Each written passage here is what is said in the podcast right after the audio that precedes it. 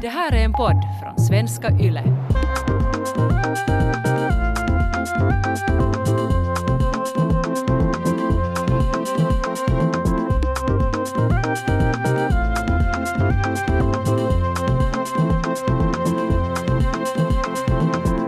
Välkommen till Sällskapet, en kulturpodd med samhällsperspektiv. Sällskapet består av mig, Kia Svetihin, och den här gången så sällskapar jag med Ellen Strömberg och Biffen Ahonen. Välkomna båda två. Tack. Tack. Hur står det till Biffen där i Borgo? Eh, helt bra. Jag hade en lite underlig morgon. Först fick jag eh, mess av en kompis eh, 8.56 och sen av en annan kompis 9.15. De här två människorna känner inte varann. Och de båda hade drömt om mig i natt. Och den ena hade drömt att vi var på en eh, festival i Lahtis och släpade på en madrass. Och den andra hade drömt att vi satt i ett viktorianskt rum och drack öl. Och sen kom herra Ylpe dit men vi ville inte umgås med honom. Eh, herra Ylpe, jag kommer Ja. ihåg honom. Var, var du för, sådär förtjust i honom då när han var på hans storhetstid? Nej, nej, jag, det- ja, ja, ja, jag är helt neutralt Va, vad, är inställd. vad är hans jotto? Är han någon musiker?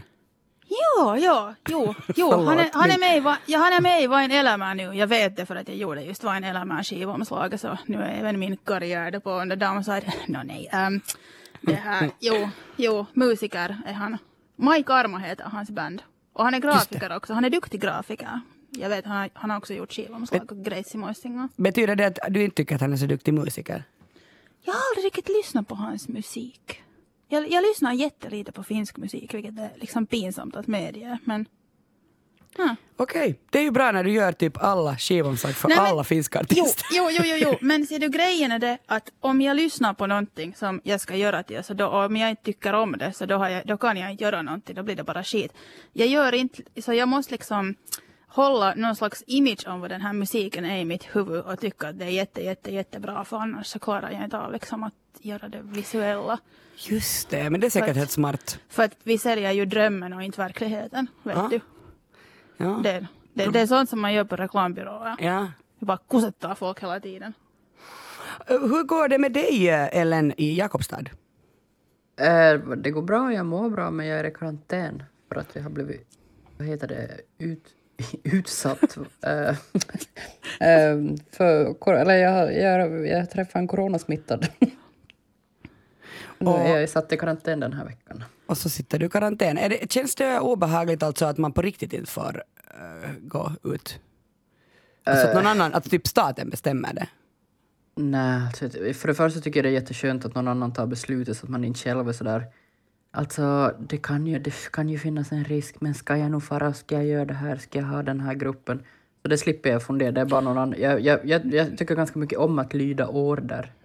Hörni, men helt kort, Ellen, vad tänker du prata om idag? Jag tänker prata om Emily in Paris och Jeppy Suger. Hurra! Biffen. Det här, ehm, jag tänker prata om att jag har goda nyheter angående smarttelefoner och att uh, millenniemänniskor och trendiga hipsters tycker inte om smarttelefoner mer så snart går vi tillbaka i tiden igen. Och jag har börjat gå på konstutställning för att bota mig. Och då kanske ni undrar, bota dig från vad då? Nå, allt. Eh, coronaångest, höstmörker, trötthet.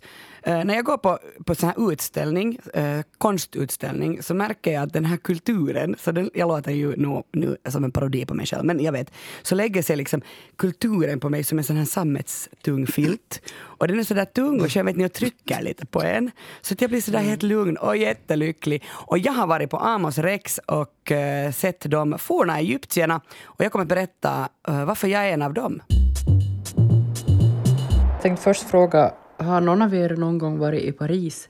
Ja, oui. Jo, jag har varit. Okej, ni har båda två varit, okej. Det är bara jag som inte har varit. Det är bara jag i hela världen som inte har varit i Paris. Och du Men, slipper eh, du kanske aldrig dit. Men det gör ingenting, vet ni, för jag har sett på Emily in Paris på Netflix. Då, då vet du hur det är. Ja, Ja, det är så har jag- precis så. Ja, och det är lite det jag tänkte prata om idag. Ehm, nej, men för att jag, alltså jag bor ju då, som säkert har blivit nämnt tre miljoner gånger, i Jakobstad. Jag är ju ganska så här lo- lokalpatriotisk av mig och är liksom väldigt eh, mån om att lyfta fram Österbotten. Ehm, och eh, alltså en av grejerna med att bo här är ju att det är som en... Man bor ju på ett ställe som aldrig det aldrig kommer att göras en Netflix-serie av. Alltså, Man vet aldrig. Nå, nej, nu kanske man inte ska säga aldrig för då händer det väl. Men, eh, men det är ju verkligen en sån här... Alltså jag minns att jag redan som barn tänkte liksom sådär att, jag, att jag undrar hur det är att bo liksom på ett sånt här ställe som, som många har liksom en relation till, eller som, som många liksom känner till. Typ. Alltså redan bara typ att bo som i Helsingfors eller Stockholm, att liksom gå på de här gatorna. Uh, det vet jag ju inte, för att jag har aldrig sett en film som utspelar sig här. Men eh, jag ska inte prata så mycket om Helsingfors egentligen. Det jag ska prata om var då Paris och Emily in Paris. Har någon av er sett den här serien? Jag har sett en, ett avsnitt och jag kunde inte titta på det mer för att jag blev arg.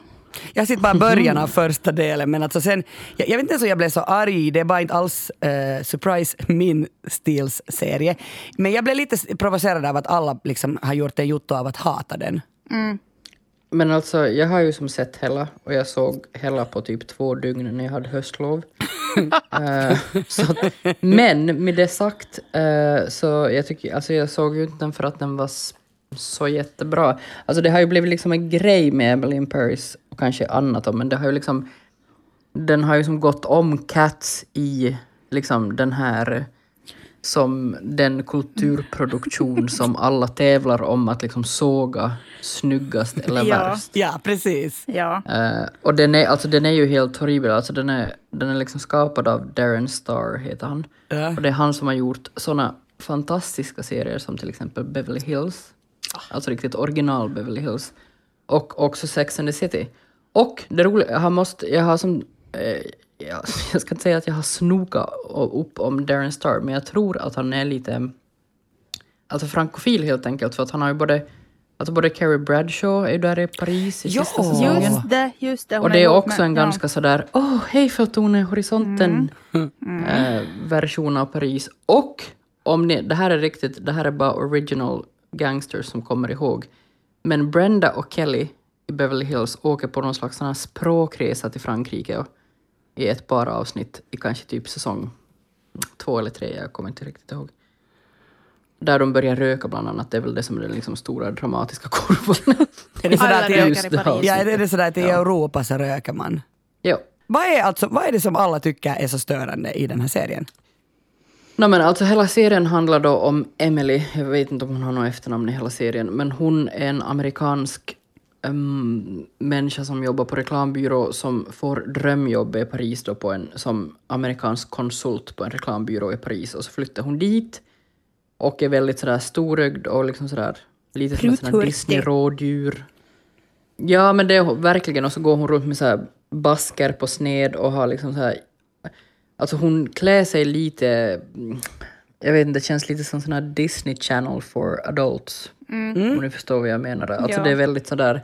Karikatyraktigt på något sätt. Ja, alltså hon har kanske inte en basker och randig tröja och en, och en baguette i väskan, men det är liksom den vibben. Ja. Ehm, ja, och, eh, och så sen så är alla fransmän förstås jättesura och bara röker och kommer inte tid till jobbet och liksom det är sådär ha ha ha kulturkrock. Men i varje avsnitt så lyckas ju då Emily sådär övervinna något jättestort hinder eller liksom lösa en stor klurighet genom sin amerikanska Pollyanna-charm. Och positivism. Hon var ju, Ja, det, det, liksom, verkligen. det, det snappade jag upp att, att vad de där sura fransmännen än sa till henne så svarade hon alltid med något positivt. Vilket jag tyckte att var Mm. lite fräscht faktiskt. Ja, ja, men jag skulle också vilja liksom ha någon slags relation till ett sånt här ställe som alla andra verkar ha en relation till. Eller att andra skulle ha en relation till mitt ställe, alltså Österbotten. Hur tror ni, alltså okej, om, jag, om jag ställer den här frågan så här före jag börjar säga någonting. Hur tror ni att en Emily in Österbotten skulle se ut? Skulle det funka? Jag, jag, jag tänker att hon ska vara där på, på det där Ollis in. Faktiskt. Ah, Det där, nu är jag i Vasa. Österbotten är så stort. Alltså jag tänker så här att vi nylänningar, vi greppar inte hur stort Österbotten Nej, är. det är sant. För, för jag brukar alltid säga så här till dig, eh, Ellen, men kan inte bara få till Vasas studio? Du bara, det är 100 kilometer från var jag bor. Jag bara, Va? Och det är säkert längre Jo. nu när jag säger det. Nej men det är ungefär 100 kilometer. Och, Herregud. Ja. Alltså, men jag tänker eh, faktiskt att Ja- Jakobstad och eh, Vasa, är, nu, nu säger jag med alla mina fördomar, är det inte med metropolerna? Alltså är det inte de som är de här billigstäderna i Österbotten? Mm, ja, alltså det beror på om vi har nog mycket lyssnare typ i Kristinestad så kanske jag måste säga det. Men jo, det är nog Jeppis och Vasa. Jag tänker där Korvgöran, så, så här, det är ju liksom Jakobstads eh, landmärke. Alltså, ja, det är väl det. Ja, Det, men det är det jag märker vet om Jakobstad. Det märk, Ni märker Jag ju, det skulle behövas Jakobstad. liksom... Nej, ja, jag har aldrig varit i Paris. Nej. Men eh, vad heter det? Men eh, vi har ju inte då någon Emily i Österbotten än. Än. Jag tänker skicka ett brev till Darren Star och be honom komma hit och scouta lite miljöer. Jag har många sådana här ehm, liksom scener jag kan tänka mig skulle göra sig bra. Det finns en sån här, min, min absoluta hatscen i den här Emily in Paris är när hennes kompis som är eh, har någon slags sångerskedrömmar men som har blivit liksom viral för att hon sjunger så falskt i, i Hongkong. Eh, så hon har som slutat sjunga. Men så får ju Emily då förstås henne att sjunga igen för första gången på jättelänge. Och hon gör ju det då i en park där hon liksom så här bräker ut, uh, vad heter det, Lavian Rose. Alltså en så här jättedålig version av det och hon gör det så här med riktigt ögonen stängda och riktigt sådär. Alltså nej, det, det är så hemskt. Det är, så, alltså det är som den värsta scenen i hela... Och just som den scenen skulle man ju kunna översätta till någon slags österbottnisk miljö. Alltså men det där skulle vara fantastiskt. Det, ja, men- och det Ja. har ju gjorts olika versioner, till exempel The Office, och det finns ju brittiska versioner, amerikanska versioner, det Ja, finsk vet ni vad version. tyska versionen av The Office heter förresten, på tal om ingenting? No? Das Stromberg. Office. Oh, Nej? Stromberg som mitt efternamn. Wow, okej, no, it's Det a var sign. jätteroligt att... Okej, Ja. fantastiskt. Va? Men varför det? Förlåt, det här är ju ett sidospår, men intressant. ja, nej men för att han, chefen heter Stromberg. Ah. Eh, alltså liksom så att Strömberg i Tyskland, är liksom Wow. det är, man delar som efternamn med den tyska Michael Scott. På något sätt göra Michael Scott värre så är det ju att göra honom tysk. Så. Mm, mm. Ja. Men, fantastiskt. Nåja. men hör du, vad, va, helst. varför sång skulle du sätta Emily in eh, Österbotten att eh, scrolla?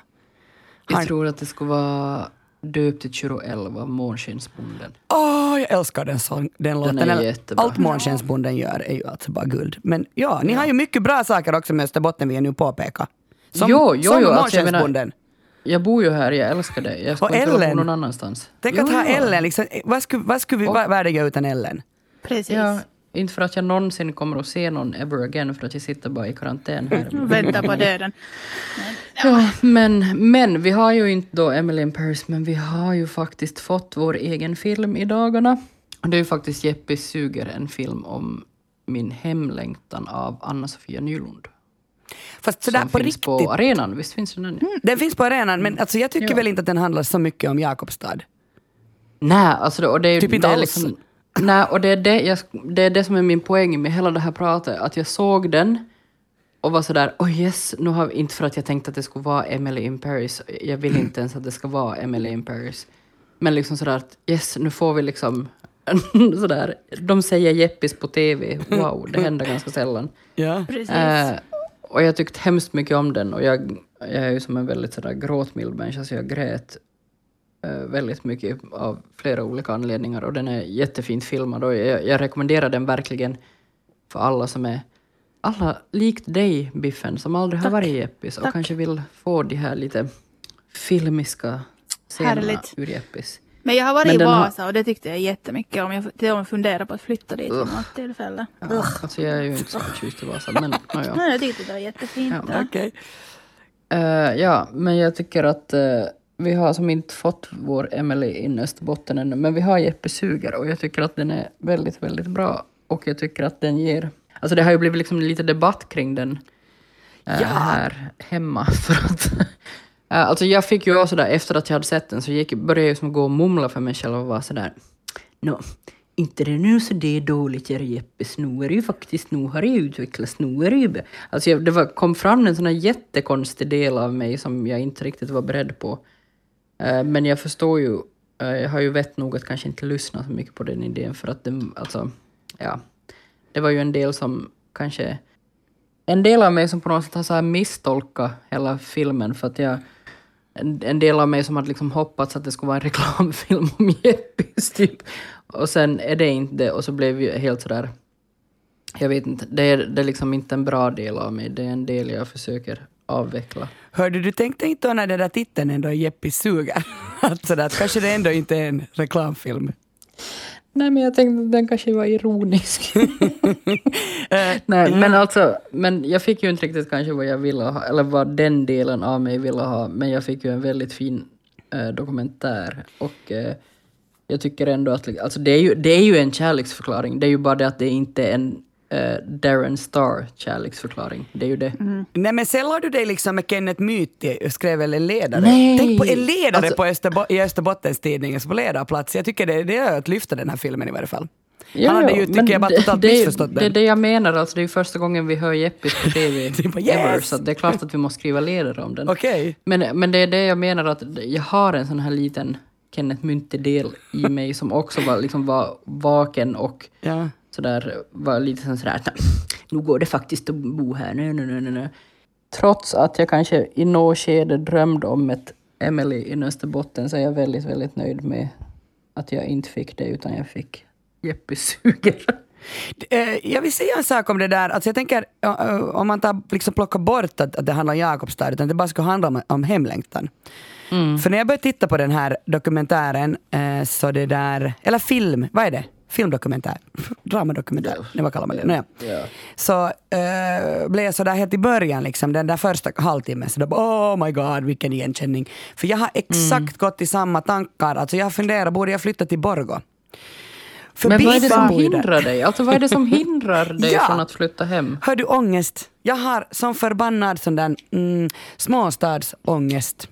Och, och, det där, och jag vet inte om det är det som eh, Anna-Sofia Nylund har. Alltså, det där, jag kan inte nu säga, för den handlar ju om annat också, den här hennes dokumentär. Men jag är nog jätteintresserad av det där att, att vad hände med alla de som eh, blev kvar i Borgå, av mina klasskamrater. Och vad hände med de som har flyttat tillbaka? Alltså nästan alla mina klasskamrater upplever jag bor i Borgå nu. Alltså, de flesta Men alltså jag tycker där. inte riktigt om den här, alltså jag tycker inte om, alltså kanske, nu, blir, nu är jag kanske bara kränkt för att jag är en av dem som stannar kvar. Eh, men jag tycker inte om, alltså jag tycker inte om den här formuleringen blev kvar eller stanna kvar som att det inte skulle ha varit ett aktivt val. Att liksom, som att vi inte bara skulle ha haft möjlighet att ta oss härifrån. Det kanske faktiskt bara var Alltså jag tycker inte, alltså, det är ju som inte en passiv handling att bo här. Jag, jag liksom skulle faktiskt inte ha något emot att, att flytta till Österbotten. För, för mig är Österbotten som att vara utomlands. Nej, men det är annorlunda. Ni, ni, ni, ni tänker på ett annat sätt. Förlåt, nu. Sån här. Men ska du komma hit med en sån här vit safarihatt och En liten apa på axeln. starta en liten koloni här? Jag ska tala om de forntida egyptierna. Jag har alltså besökt Amos Rex utställning Egyptens prakt, de sista stora dynastierna. Och sen har jag läst en bok som heter Fisken i sarkofagen och andra mysterier. Den är skriven av en egyptolog, Mia Meri. Och den alltså kompletterar också utställningen. Men det som jag funderar på eh, är att, är jag egentligen Tutankhamon? Eh, och jag kommer att ta fasta på fyra saker som fascinerar mig med de forntida egyptierna. Och börja med att fråga, att har någon av er varit på Amos Rex eh, och på den här utställningen? Tyvärr inte ännu, men jag har varit många gånger i Berlin på det här det stora Egyptenmuseet som är ett av mina favoritställen ever. Och I cannot wait att slippa dit till Amos Rexen när man vågar fara till Helsingfors. Och jag bor som sagt i Eppis. så nu- Du måste, jag tror, undrar om de har någon sån här, alltså nu för tiden ska ju allting göras online. Kanske man kan snart Det är inte samma. Nej, det är inte samma sak. Herregud. Uh, no. Eh, på den här utställningen, jag vill bara säga tidsperioden, så pratar man alltså om de forntida Egypternas historia. Alltså det är en tidsperiod på över 3000 år. Från den fördynasti fördynastiska tiden till den romerska tiden. Så ni vet var vi ungefär befinner, er, eh, befinner oss när jag försöker jämställa mig med Tutankhamon. Men, men på den här utställningen kan man se kattmumier, man kan se statyer och så kan man se Tutankhamons favoritbrädspel Senet. Eh, och det är också roligt att eh, egyptierna, de älskar brädspel. Och Senet är världens äldsta brädspel och man har liksom kunnat styra upp det, det här eh, faktan med att man har hittat fyra sådana Senet-spel i Tutankhamons grav. Så man tänkte sådär att, att okej, att det var säkert meningen då att, att liksom han skulle få spela i, efter, efter att han hade dött också. Därför satt man så många, många av de här spelen dit i, i graven. För han ville säkert också ha roligt efter döden. Eh, jag måste fråga ändå här, har ni någon, har ni någon förhållande alltså till, till Egypten? Alltså har ni, är, ni- är ni typ så här, jag har läst Mika Valtaris eh, Alltså, jag, ville bli, jag ville bli egyptolog när jag var liten. Det var mitt drömyrke.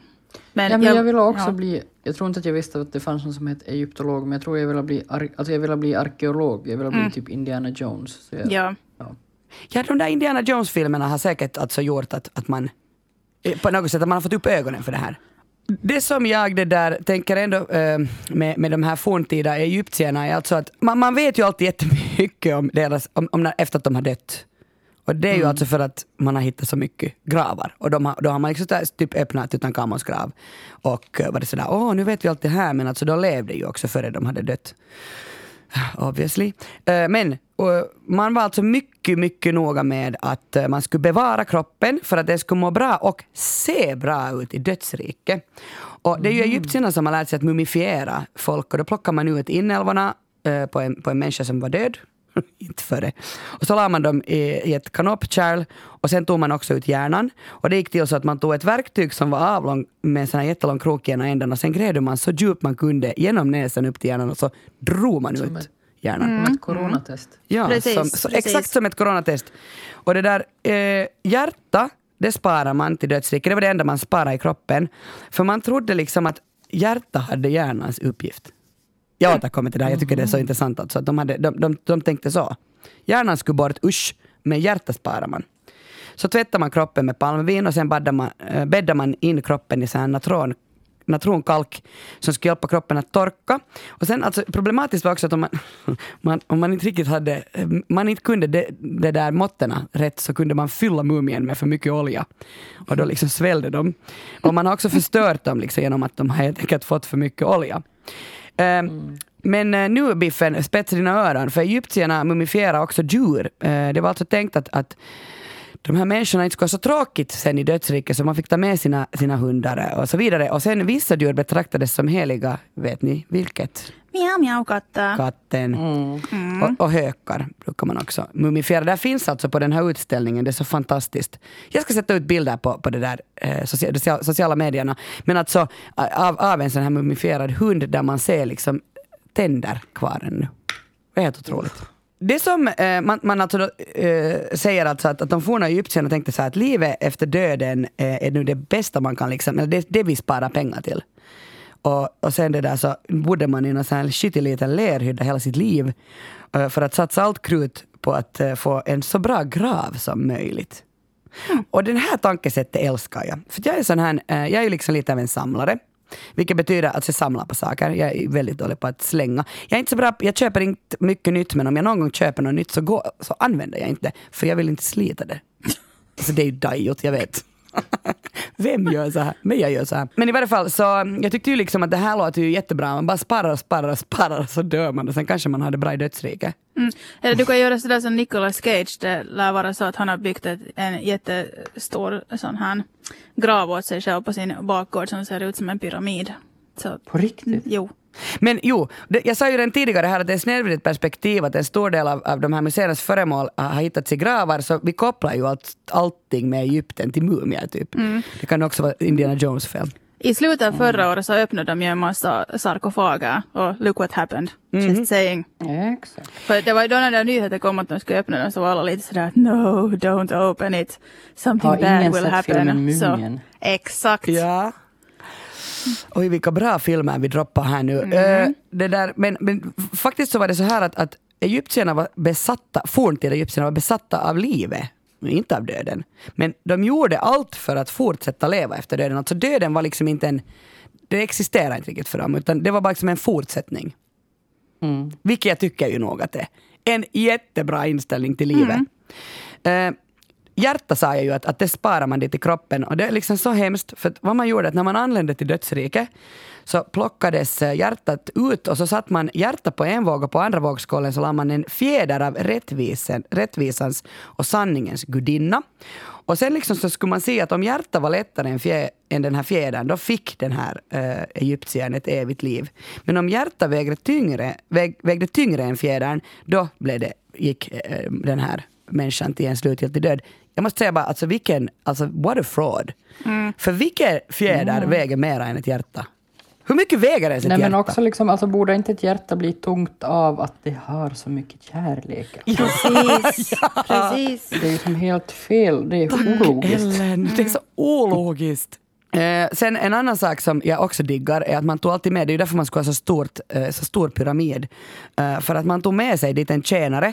För att så, man tänkte så här att om jag måste jobba liksom, eh, efter att jag kommit till dödsriket så tänker jag nog ha med en, en tjänare som får sköta jobbet. Var de här tjänarna alltså vid liv? Nej, nej.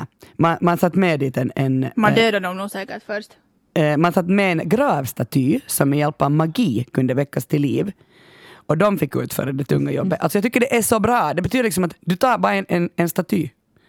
De har ju plockat ner en massa statyer det här, efter, alla demonstrationer i världen. Vi kan ju ta in någon. Jo, eh, nå, eh, Eh, min kompis eh, Patricia Berg är faktiskt en av Finlands ledande egyptologer och jag släpar med henne på den här utställningen och sen frågar jag alla frågor. Vet du, så här, när man är med sin cover så behöver man ju inte bry sig om att man låter dum. Så jag ställde alla frågor man kunde om, om alla föremål på den här utställningen. Eh, men hon sa att, att det där det är jätteviktigt att minnas att det liksom är på något sätt döden för de forntida egyptierna var som en kult. Vet ni? Alltså att, att man liksom ville, man, man börjar leva ett annat liv i en annan dimension. Och, och, och den här kulten skulle upprätthållas och det gjordes det genom att de anhöriga och liksom den döda egentligen gick i symbios med varandra. Anhöriga måste gå till graven regelbundet och sen skulle de offra sånt som de döda behövde i livet efter döden. Vet ni, alltså jag skulle offra katter till dig. Nej jag får inte säga så här för du blir så upprörd. För, men du vet vad jag menar. Jag vet. Men Ja, ja. offra något karki och karar istället. Och Karki och Kara ska jag offra till dig. Och alltså det, Jag tänker så här, det är så coolt. eh, för liksom, man kunde också klaga till de döda. Så tänk liksom alla Vastaamo blir utan kunder. No, de har säkert blivit. Men man behöver inte gå i terapi och man kan klaga till den där som man just har begravt. Man kan gå till Amos Rex och klaga åt alla. Ja, men de, och de, liksom, de skrev brev till, till de döda. Man har hittat alltså i, i sådana här... Eh, man, man förde då mat eh, till, till de döda, till, till graven, som, som offer. Eh, gåva. Och det där, i, man har hittat sådana här skålar att, och i det där offerskålens insida så var det ett jättetätt skrivet brev. Man har hittat 14 stycken sådana här brev. Eh, och det där, jag läste i den här tidskriften Världens historia om de här breven att bland annat en, en man vid namn Shepsi, så han begravde då sin mor. Och det där brevet är från 2300 före Kristus. Alltså det är så sjukt. Tänk att man har hittat ett sånt brev. Och, det där, och då liksom är han så här att nu måste du hjälpa mig. För det första så blir jag sjuk och du har liksom bara inte lagat mig frisk. Sen grälade jag med min bror. Uh, plus att han tyckte att hans barn gnällde helt för mycket. Och han var helt sådär bara, du måste bara hjälpa mig. Och antagligen så på något underbart sätt tänker jag så här, så hjälpte det att han fick klaga. Och så hoppas jag att han blev frisk i varje fall. Men, men så här att de levde i en sån här symbios där man hela tiden var alltså i kontakt med de döda. Ni, men ni vet väl vad, eh, Dia de los Muertos i, i, i liksom Mexiko, där, där går man ju också så här och hämtar, att om, om liksom in- man, en, en, den som har dött tyckte om kokis och tobak så hämtar man kokis och tobak till dens grav. Men inte det är ju som så långt ifrån liksom hur vi behandlar Nej. gravar här. Eller jag tänker bara som sådär liksom, kanske inte vår generation så mycket men bara alltså gå tillbaka till min farmor. Alltså nog är det ju jätte, jätteviktigt liksom just eh, nej men liksom hon, alltså hon, att faffas gravsten att det har rätta blommor och det har Ja, ljus. precis. Och nu är ju jag, alltså nu är det ju som sådär, nu är man ju på, eh, på ett sätt, även om man kanske nog inte offrar varken katter eller kokis eller Kanske man men nu är, det, nu är det ändå ganska på något sätt eh, att man liksom fortsätter det här omhändertagande om inte annat. Allhelgona är ju nu, nej. Jo. Ja. Så jag menar, eh, brukar ni då gå, alltså går ni till gravgården? Absolut. Uh, jo, vi brukar nog med pappa gå. Det är ju nog alltså, eh, det är väldigt stämningsfullt på, på en gravgård. Men jag tänker att, att med egyptierna, forntida egyptierna, så var det liksom som att det här var ett, ett förhållande som upprätthölls alltså sådär helt, hur ska jag säga, alltså att det var helt sådär självklart för att man, all- man trodde inte på döden. Så, no, ja, ja, förstår ni vad jag menar? Alltså det var ett, ett Ja. väldigt jämlikt uh, också förhållande, alltså fast den andra var död. Uh, vanligt folk, det här var ju alltså förstås uh, faraoerna, alltså kungarna som, som man be, begravde. Vanligt folk som var 95 procent av egyptierna, de var vanliga jordbrukare och de vet vi inte så mycket om. Det här är ju så typiskt. Liksom. De här som gjorde, fotfolket, de som gjorde allt jobb. Sen slavarna som byggde alla pyramider och så vidare. Men det man har kunnat ta reda på, det var ganska vanliga familjer. Liksom. Mamma, pappa, barn och de bodde med sina, med, liksom att man bodde med generationer uppåt. Morföräldrar och farföräldrar. Men det här är alltså det viktigaste nu. Den forntida Egyptiens, Egyptiens kost bestod i huvudsak av två saker, öl och bröd. Take me home, sweet Egyptians. Jag skulle så kunna bo där. Men Alltså, de hade ju jättedåliga tänder också på grund av det här. Att de åt så mycket och bröd. Ja, de hade liksom, äh, jag såg någon, någon, någon dokumentär att det här de hade något speciellt bröd som de åt och de kunde inte det här mala ännu så bra att det på något sätt blev jätte så här hinna på tänderna av det här brödet. Och sen att liksom tänderna ruttnade sen in dit och de hade jättedåliga tänder. Men mums. like, mm, I know. Annat, Jag får bara sådär, alltså jag känner mig uppsvälld bara av tanken på att leva på öl och bröd. Alltså, det liksom, Verkligen. jag känner redan hur min mage liksom går i uppror. man ska bara kunna rulla omkring och prata med de döda. De åt också gris och fisk, men man tyckte att gris och fisk det var nog smutsigt. Eh, dä- däremot så tyckte man att igelkott och möss, det var nog riktigt goda rätter. Och sen är det, det här är, är så tufft, alltså man har hittat mjölkprodukter i, i liksom en kungs grav. Och, och då har man liksom kunnat härleda att de till och med hade ost. Ju mera man intresserar sig för eh, egyptier, desto mera ökar intresset för gravarna i Konungarnas dal. Och de lider av för mycket besökar, besökare. Nå, nu talar vi ju en tid där man inte reser så mycket mer att, att liksom, jag har alltid varit sådär att jag vill fara till Konungarnas dal. Men nu tänker jag ju nog att när kommer man någonsin att, att ens kunna resa på det sättet? Så att det kanske är helt okej Vi idag. kanske kan göra en Emily in Egypt. Ja! Precis. vi precis. Men har ni det här varit i Berlin i det där Eg- Egyptenmuseet? Det är ju enormt. Det, det är ju en dag så de har där ett helt rum, rum vart Nefertiti-statyn är och den är, jag grät när jag såg den för att jag tyckte att den var så fin. Är verkligen vacker och sen den är ett så stort blått kupolrum och åh, ljuvligt. Jag måste, jag måste nog fara, alltså det är ju Ja. lite närmare att åka till, till Berlin Ja, då. och det är liksom, Ja. är det sex våningar, ett, liksom det är megastort, det, du, du måste vara en hel dag där och då hinner du inte ens se allt. Att Det, det är jättestort och det är helt fantastiskt intressant. Eh, Det som jag nu ändå tycker man eh, liksom kan tänka på, för nu är det ju klart att, att du går dit till, till Amos Rex och så frågar jag varifrån kommer alla de här, eh, liksom, varifrån kommer utställningen? Jo, från Turin, Italien. I, från Turin, Italien. Och då blir man ju så här funderad, okej men och du pratar Biffen om, om Berlin, att de har ett Ja. jättestort museum. Okej, men jag blev Lon, I London finns ju också och nu blir man ju att tänka att varför är inte de här föremålen i Egypten, därifrån de kommer? Och då kan man ju fundera på kolonialismens närvarande. Eller det blir ju liksom ett faktum att det här norditalienska museet ligger 2500 kilometer från Kairo. Varför har den tagit alla artefakter? Du, Alltså nu, nu blir man ju att tänka på det här. Eh, det är ju alltså, pre, det här är präglat av kolonialism. Och, och, och jag tycker att man ska hålla det i tankarna när man besöker vilket historiskt museum som helst. Och däremot så jag frågar min kompis äh, egyptologen Patricia, att liksom, hur ser hon på det här med att, att, eller repatriering, alltså att man borde återbära, återbörda föremål till liksom, som sina ursprungsländer, dit de hör hemma. No, men hon sa att det är liksom upp till, tycker hon i varje fall, eh, var och en att avgöra. Men om, om Egypten vill ha sina föremål tillbaka så ska man återbörda dem. Och jag menar, vissa föremål, jag hörde just om, om um, nu ska vi säga rätt här, ett sånt här eh, huvud en gud från aztekerna uh, som återbördades från, eller de ville att det skulle, Mont- Montezumas huvud skulle återbördas till uh, Mexiko från Österrike. För det, det är ju så att det är ju liksom eh, Europa som har varit där och, tafsat på liksom resten av världen och sen har vi bara tagit massa saker. Mm, det är fräckt. Det är fräckt. Men var det liksom ett actual huvud, ett människohuvud eller är det liksom en staty? det är nog- en staty. Inte vet man vad det finns där inne. Nej, jag bara, jag bara und- jag ville bara make sure. Jag tittade på Youtube som jag ofta gör när jag ligger hemma på soffan. Och äh, jag följer en sån youtubare som heter Harmony Nice. Hon är 23. Och hon har ganska många youtube-följare, över 700 000. Så det är inte någon helt liten kanal. Och hon hade en vecka sedan satt upp en video vart hon äh, meddelar att hon har inte använt sin smartphone på flera månader och hon kommer inte att göra det mer heller. Att hon har liksom helt slutat.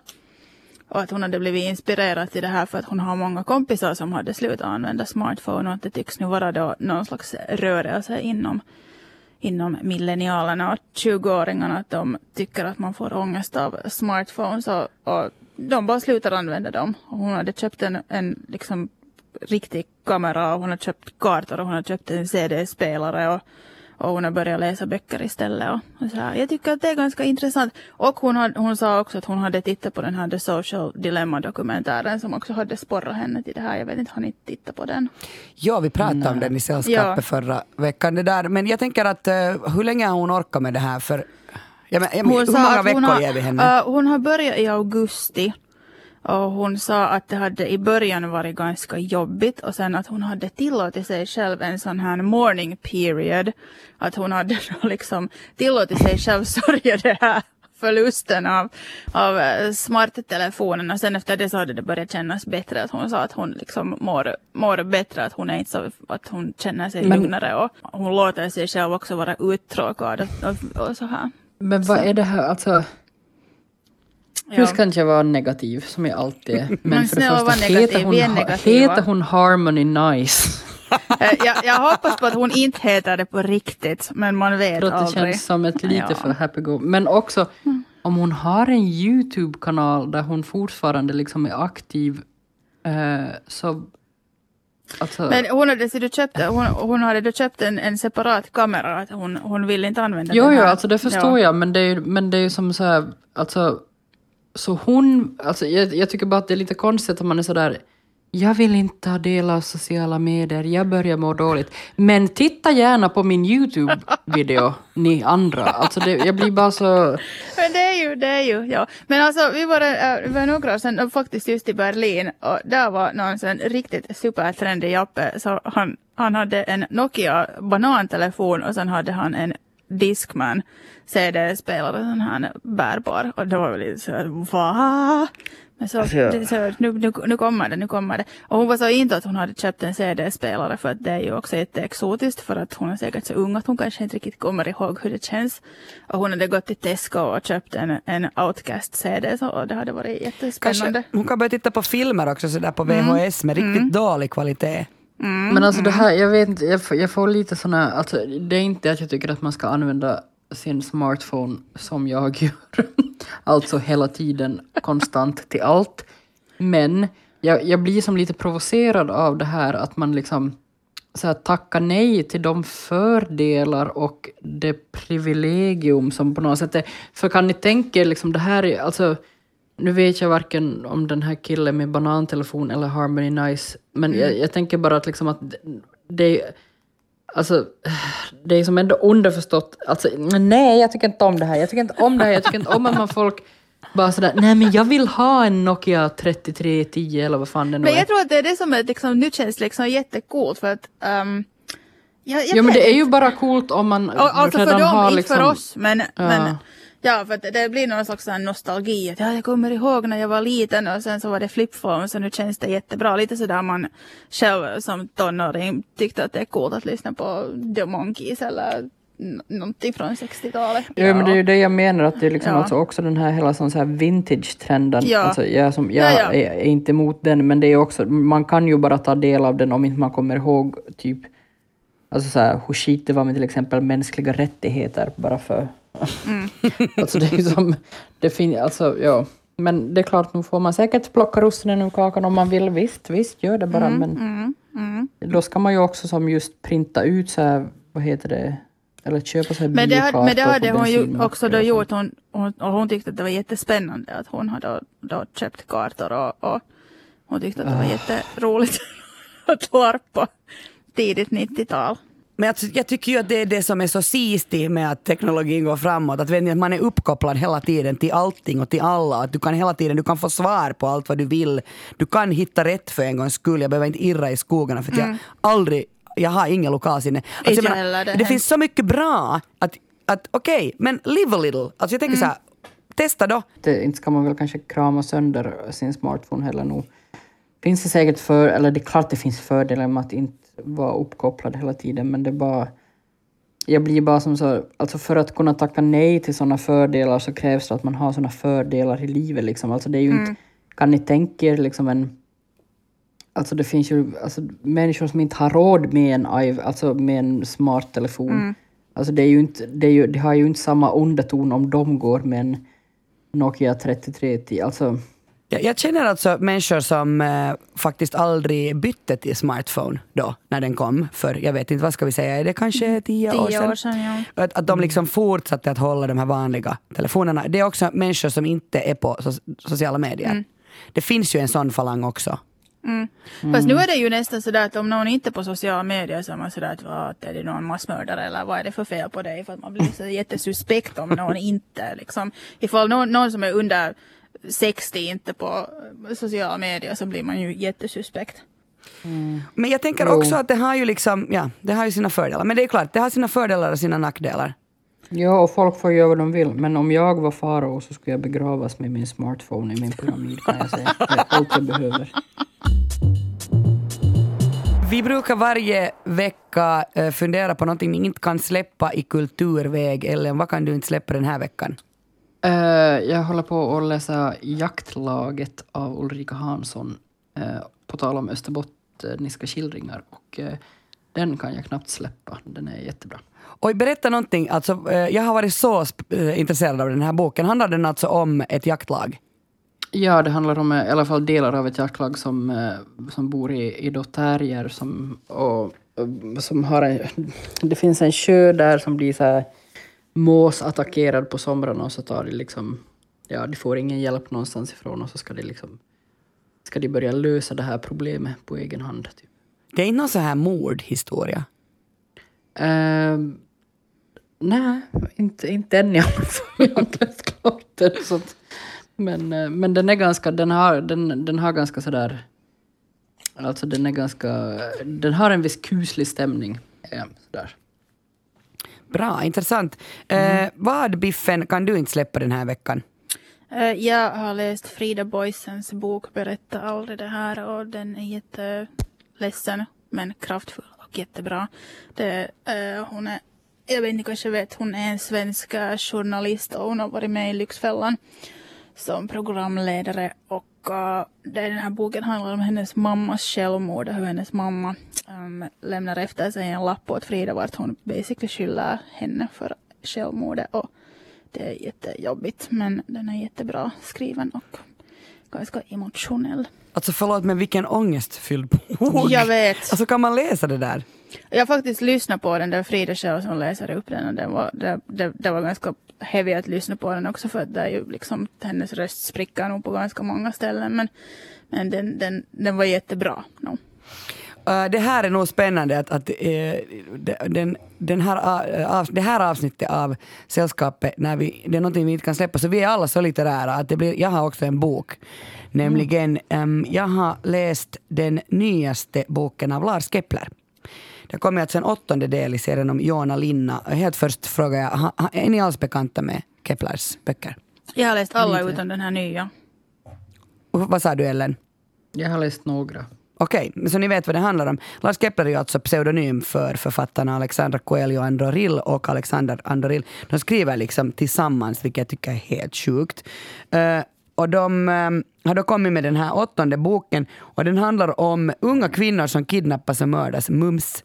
Ni kan ju tänka er, Kepler är alltså ju extremt brutala och våldsamma och olidligt spännande skriver de. Eh, jag, jag kan inte förstå hur man kan skriva så att varje mening är en cliffhanger.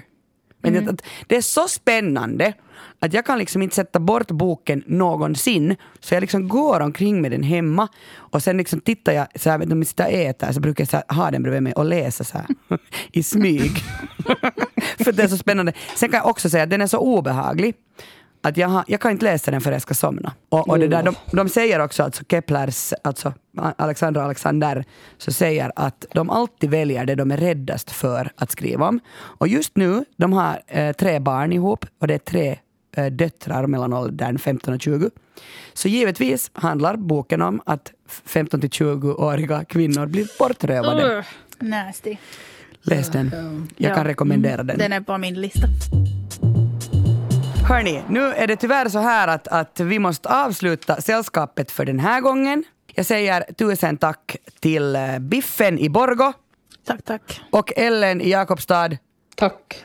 Har ni lyssnare där ute någonting på hjärtat så tveka inte utan skriv till oss, till exempel på min mail kia.svetihin.yle.fi. Ta kontakt via mina somekanaler eller på Yle Kulturs Insta. Alla referenser och hänvisningar hittar du i avsnittsbeskrivningen på arenan.